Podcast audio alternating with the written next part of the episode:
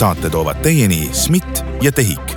SMIT, päästame elusid IT-ga. TEHIK-u aeg kulub sellele, et ülejäänud Eesti saaks aega kokku hoida. tere, head kuulajad nagu teie iganädalaste kuulajatena juba teate, on Eesti parim digiriigi podcast Kriitiline intsident verivärske osaga tagasi. täna heidame pilgu tulevikku ja peagi saame koos saatekülalise, saatekülalisega teada, kas me räägime siis lähitulevikust või kaugemast tulevikust. stuudios on külas Siseministeeriumi infotehnoloogia ja arenduskeskuse baasteenuste peaarhitekt Siim Vene, tere! tere! mina olen endiselt saatejuht Ronald Liive nagu te kuulsite, head kuulajad, siis äh, ega ma väga suurt vihjet teile ei andnud, et millest me rääkima hakkame ja ma pean tõele au andma, ega ma ise ka ei tea. sellepärast meil see külaline ongi siin täna. Ainus, mida mina tean, on see, et me räägime paroolitusest ehk siis sellest ajast, kui enam paroole ei ole. kas ma olen korrektselt aru saanud?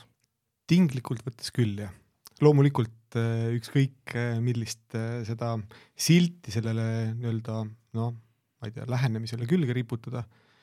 ja kas, kas seal on siis tegemist parooliga või PIN-iga või mingi muu asjaga, biomeetriaga, aga jah, et äh, see nii-öelda ideaalne tulevik võiks olla selline, et oma parooli kui sellist ei tea, isegi kui see süsteemides kuskil taustal tegelikult eksisteerib. et see vastus, see lühike vastus nagu konkreetsemalt lahti seletada, et ma ei tea nii-öelda seda parooli, mida ma klaviatuuri peal tipin sisse või seda neljakohalist PIN-i või, või rohkemakohalist PIN-i kas te mõtlete seda või te mõtlete ka siis nii-öelda seda biomeetriat, et äh,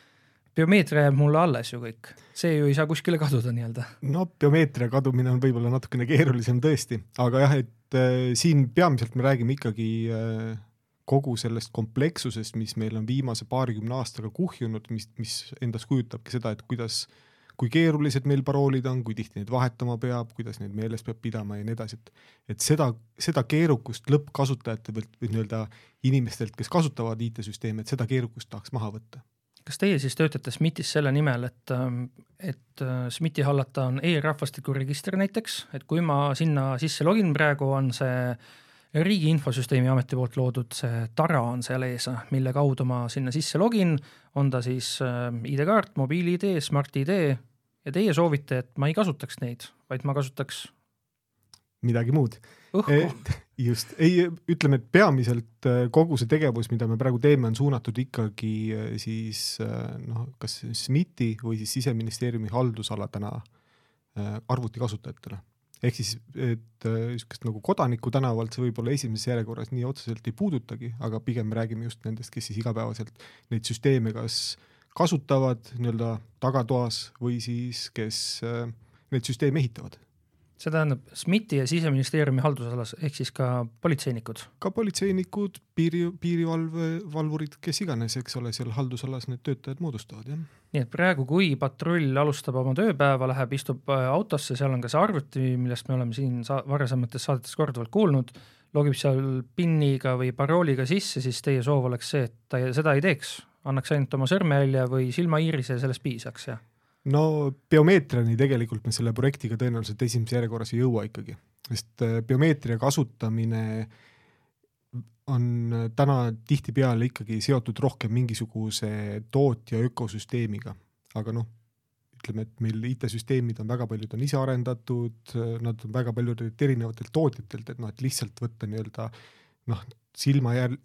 silmajälge või näpujälge kasutusele, et, et seda ambitsiooni täna isegi pigem ei ole, et noh, pigem me täna räägime siis niisugust tugevast mitmetasemelisest autentimisest, mis ei kätke endas parooli sisestamist sellisel kujul, nagu täna seda tehakse.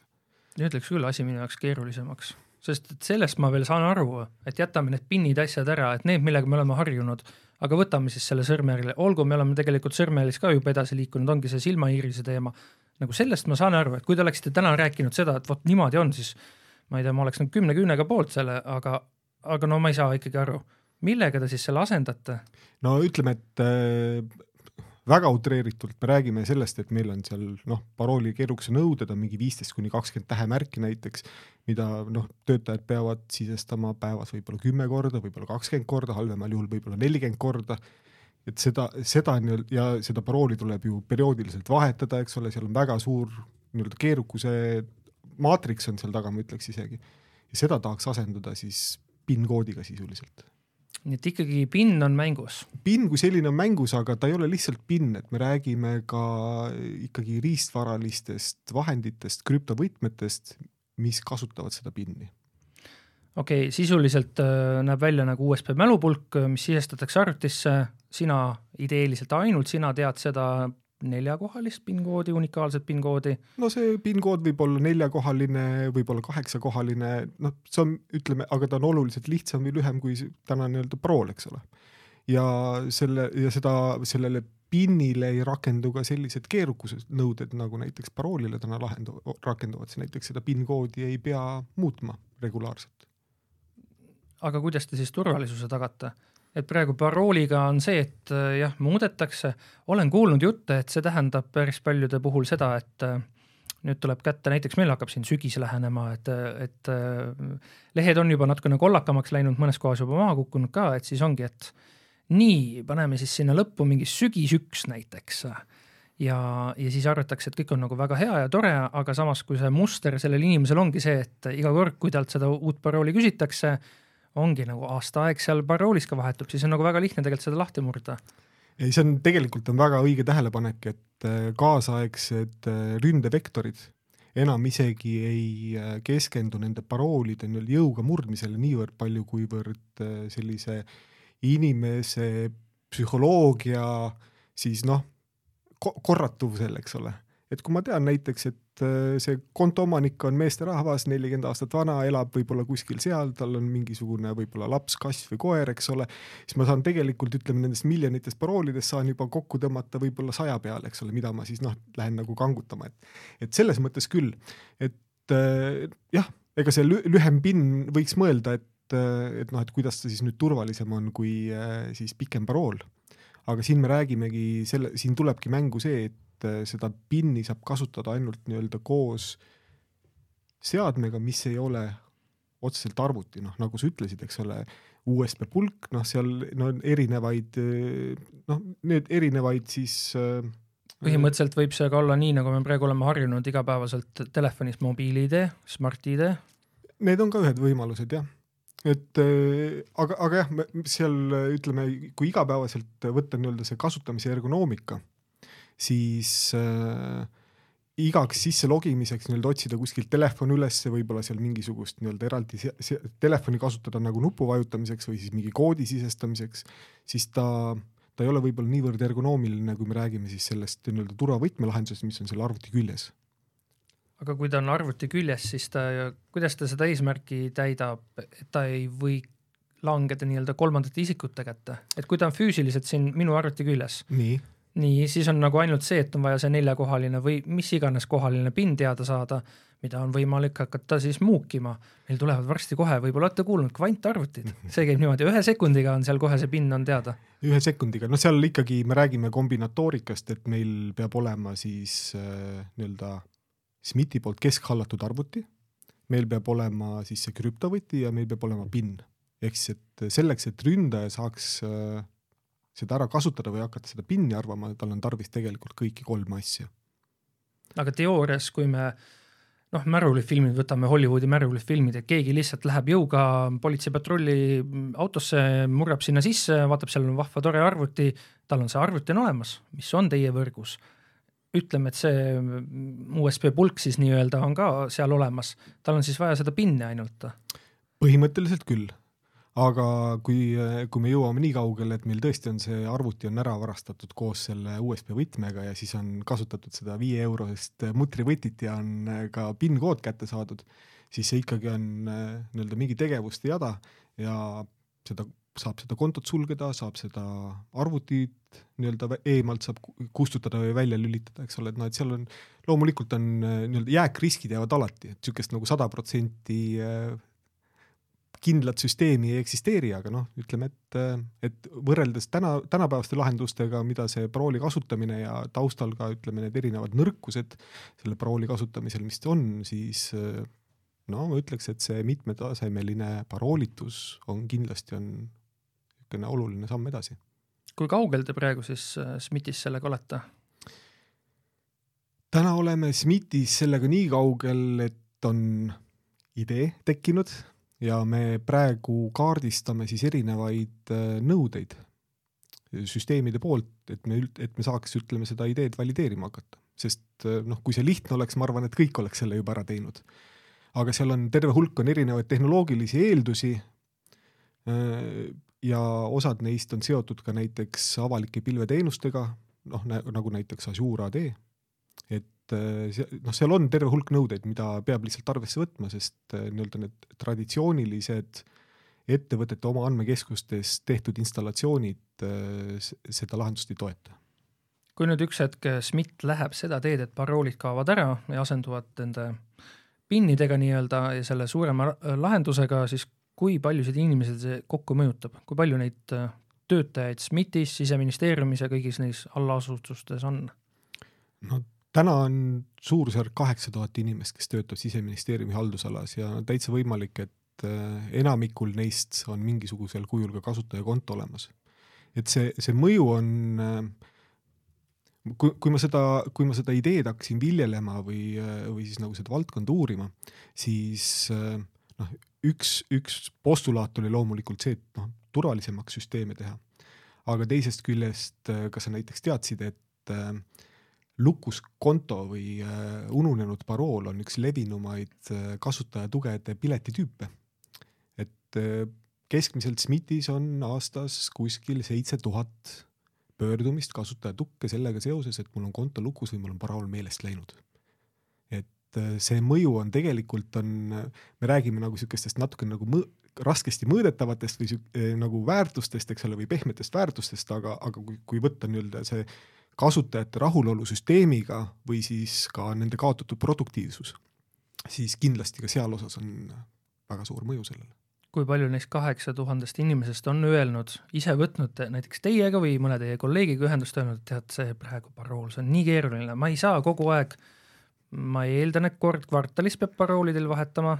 või? no ütleme, et äh, see perioodilisus äh, lasta praegu jääda, et ah,. seda ei soovi avaldada, okei okay.. seda ei soovi no, avaldada, aga, aga ütleme, et selline termin nagu parooliväsimus on tegelikult päriselt eksisteeriv.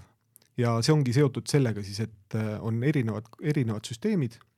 küll suurtes organisatsioonides kasutatakse väga palju, ütleme siis noh, tsentraliseeritud niisugust identiteedihaldust, eks ole, kus sa saad ühe kasutajakonto ja ühe parooliga saad erinevatesse süsteemidesse sisse logida. aga, aga see nii-öelda see, see isegi kui seda parooli ei vahetata kord nädalas või kord kuus, siis need nõuded on nii suured, eks ole, ei saa taaskasutada ka viimast noh, näiteks kümmet või kahtekümmet parooli, mis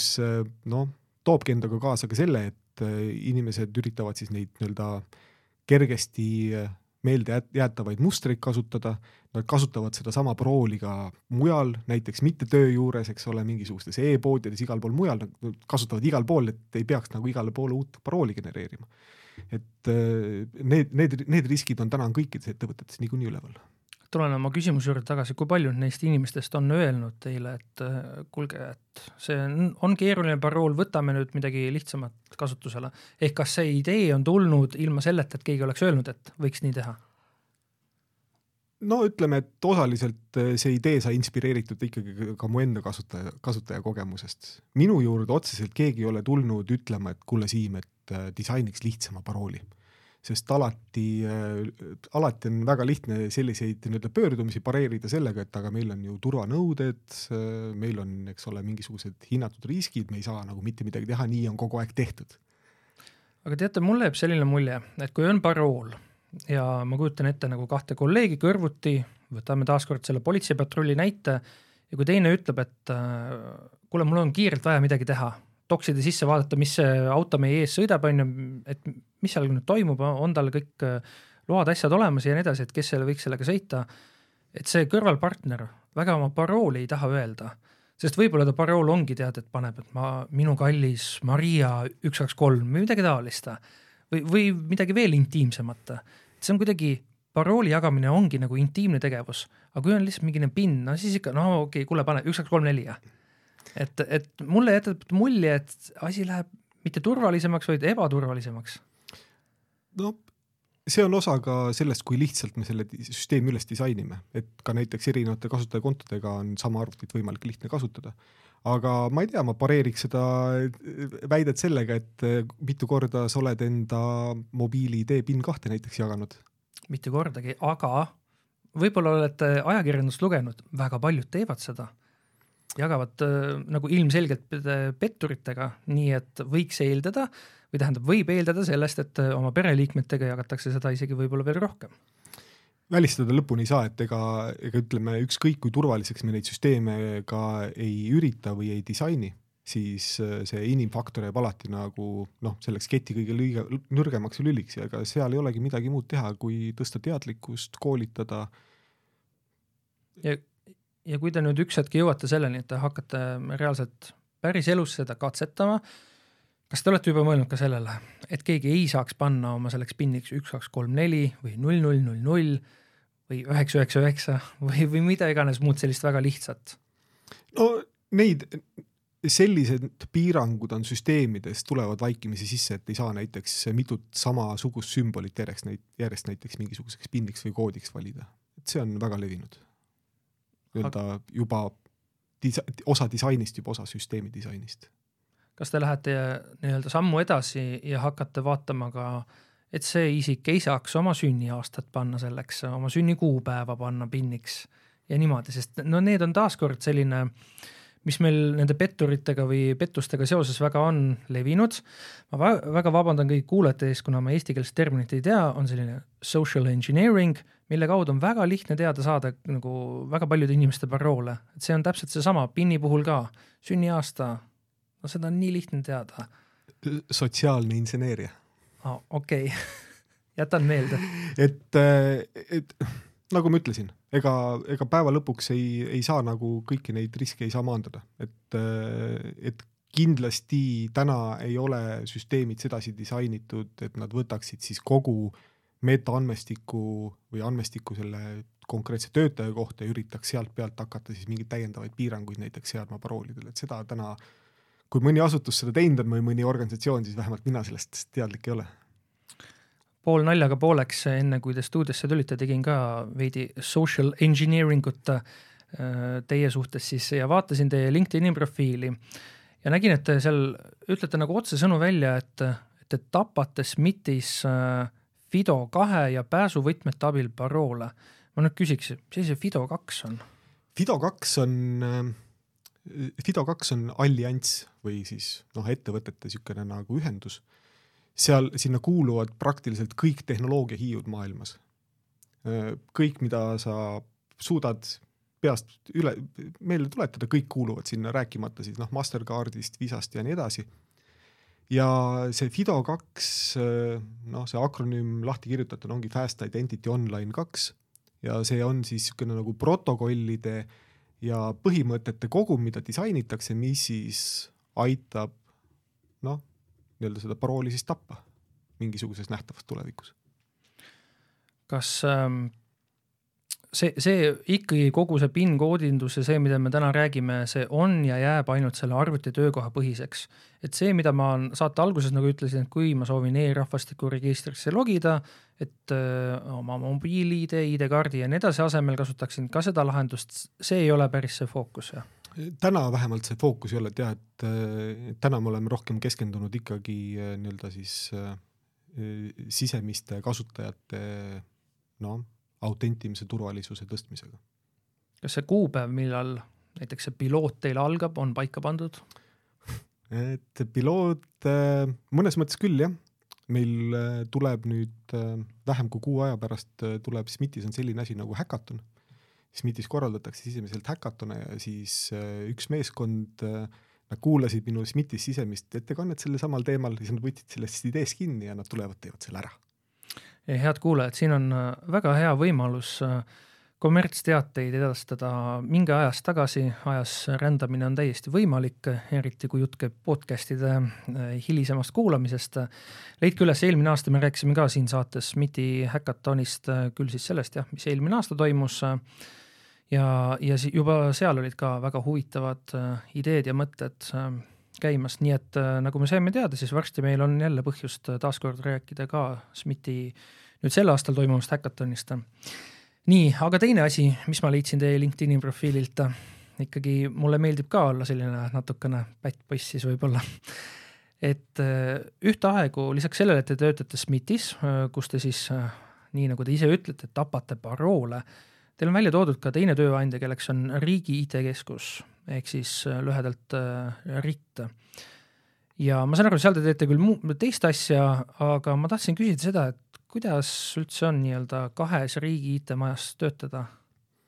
huvitav, et noh, kindlasti on tegemist väga erinevate organisatsioonidega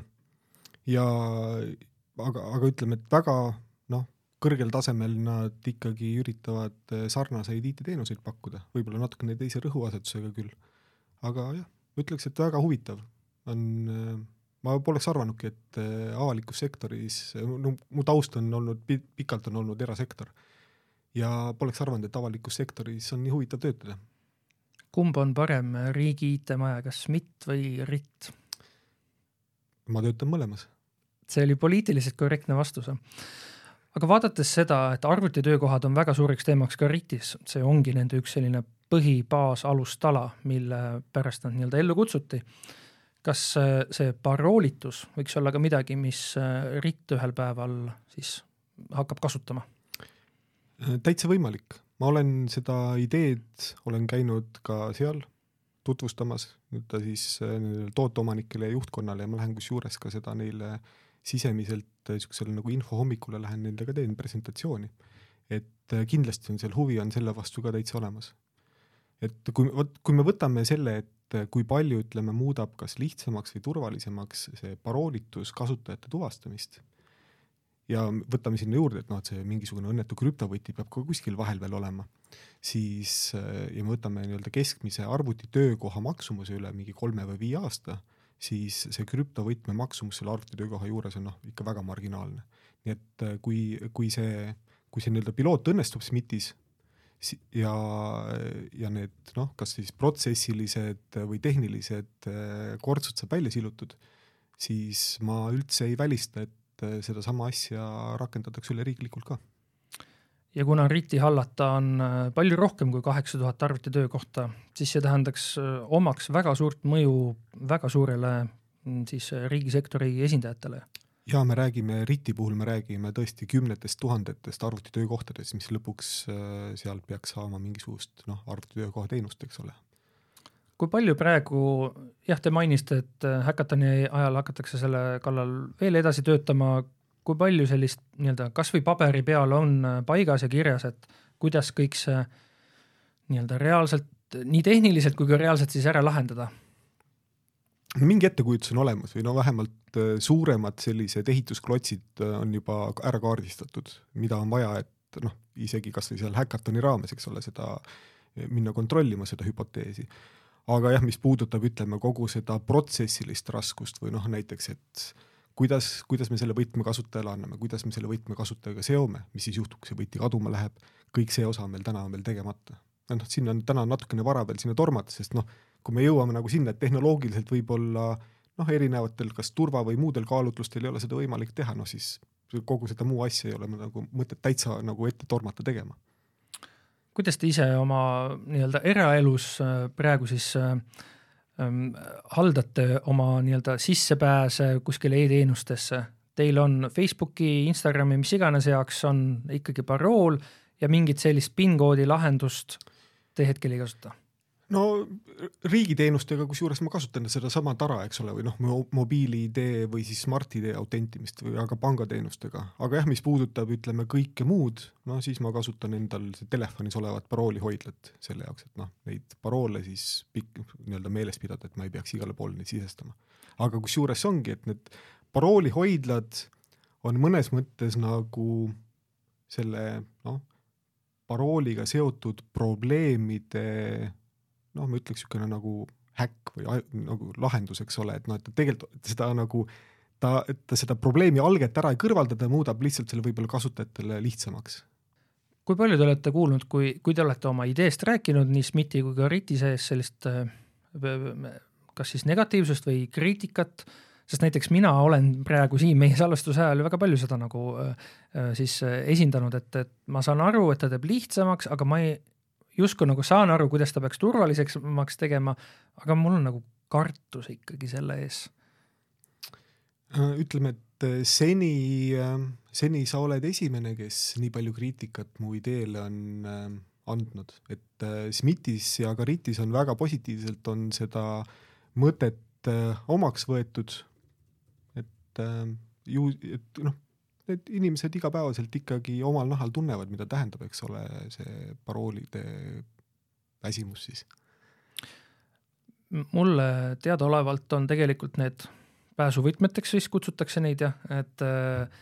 et need mõned ettevõtted, mis te siin mainisite ka, et, et Google nagu pakub seda juba praegu, et iga inimene saab seal nende kaudu sellise võtme endale, mis siis kogu, põhimõtteliselt teebki kogu seda asja, mis, mida me oleme siin tänases saates rääkinud. täitsa võimalik et äh, nagu ega ka Google on samamoodi selles FIDO kahe nii-öelda alliansis või selles organisatsioonis on liikmena on esindatud. ja, ja noh, nii on, ega noh, siin, siin tulekski nagu võib-olla ka aru saada, et, et kui me räägime noh, võti on nagu väga abstraktne mõiste, eks ole, noh, mingi turvavõti või juurdepääsuvõti, eks ole. aga, aga mida see võti endast päriselt kujutab, ta on nii-öelda arvutist väljas asuv niisugune turvaline enklaav ja mida kogu see paroolitus enda nii-öelda tehniliselt taustal tähendab, see, tegelikult see süsteem kasutab juba väga vana tehnilist lahendust, milleks on avaliku võtme siis äh, infrastruktuur või PIK, PIK, PKI. et äh, public infrastructure ehk siis noh, see nii-öelda avaliku ja privaatvõtmega autentimine, see ei ole mitte midagi uut, see on noh, ikka aastakümneid varsti vana tehnoloogia vist. aga seda rakendada nii-öelda lõppkasutajatel ja ka äh, kõikvõimalikel näiteks veebiteenustel või erinevatel infosüsteemidel, seda nagu niivõrd lihtne ei ole senini olnud teha, sellepärast ka tõenäoliselt see Fido kaks allianss ellu kutsuti. ehk kuigi see kasutaja, kes hakkab seda PIN-i sinna sisestama, kuigi tema jaoks see PIN võib olla alati üks ja sama või noh, teoorias jah, et kui ta unustab selle ära või kui on kahtlus, et see on läinud rändama, siis ma saan aru, et on alati võimalik seda muuta. PIN-i muuta? loomulikult aga taustal nii-öelda, et ühesõnaga räägime nagu maakeeli lahti. mina võtan oma selle arvuti, võtan lahti, sisestan sinna üks, kaks, kolm, neli, loodetavasti midagi keerulisemat. ja tegelikult taustal on see, et süsteem sisestab sinna selle sada korda keerulisema parooli ja kui, kui sertifikaadiga autentimist saab nimetada sada korda keerulisemaks parooliks, siis kindlasti jah, et see ongi äh, siin ka oma selles ettekandes, mida ma olen siis või noh, slaidipakis, mida ma olen teinud, seal on eraldi slaid selle jaoks, et teil PIN kood ei ole parool. et parool on midagi, mis koos kasutaja, kasutajanimega edastatakse üle arvutivõrgu selleks, et kuskile süsteemi ennast tuvastada. aga PIN koodi kasutatakse selleks, et seda nii-öelda turvavõtit lahti lukustada, et saaks hakata siis äh, sertifikaadi, sertifikaadiga signeerima seda autentimiskatset. kas te olete mõelnud ka sellele, et kui see füüsiline asi, mis see iganes see saab olema,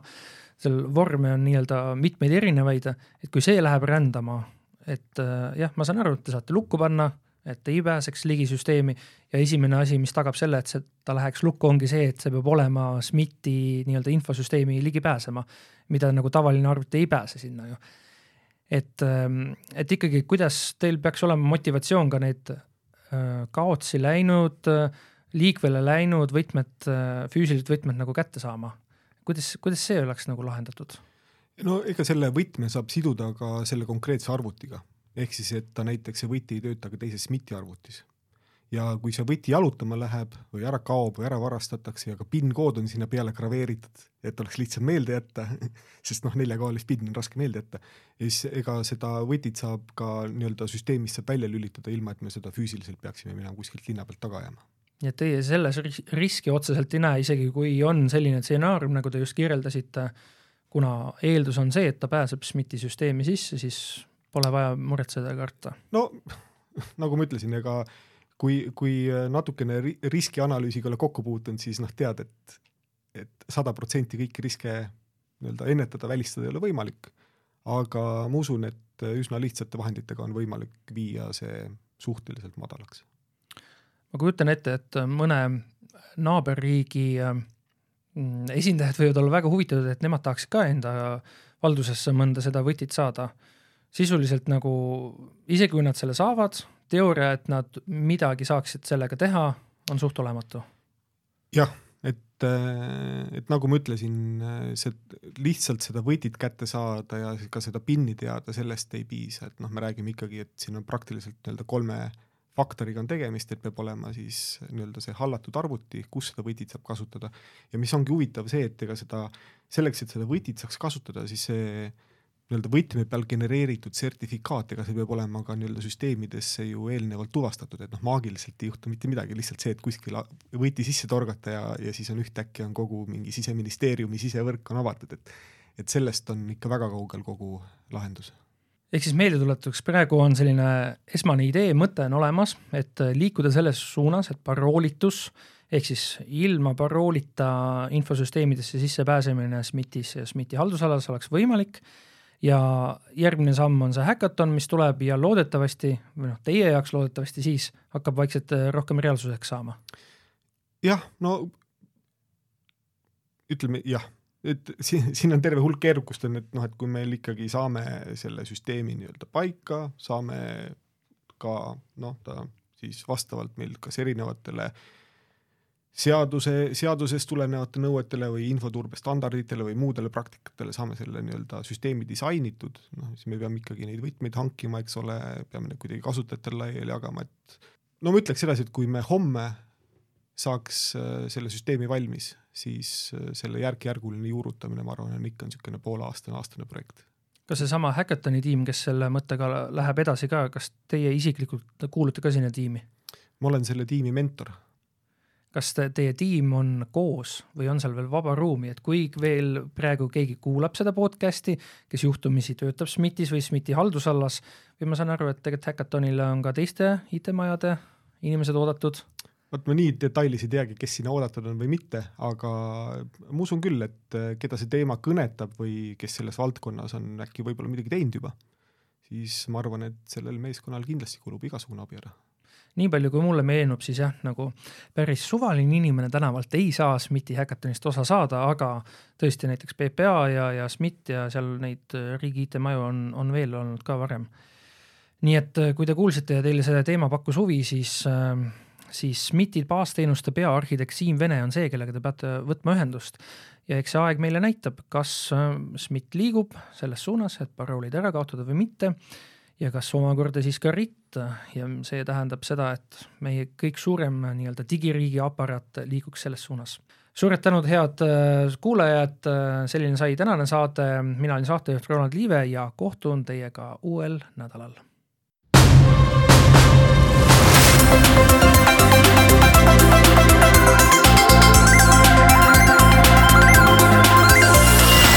Saate toovad teieni SMIT ja TEHIK. SMIT, päästame elusid IT-ga. TEHIK-u aeg kulub sellele, et ülejäänud Eesti saaks aega kokku hoida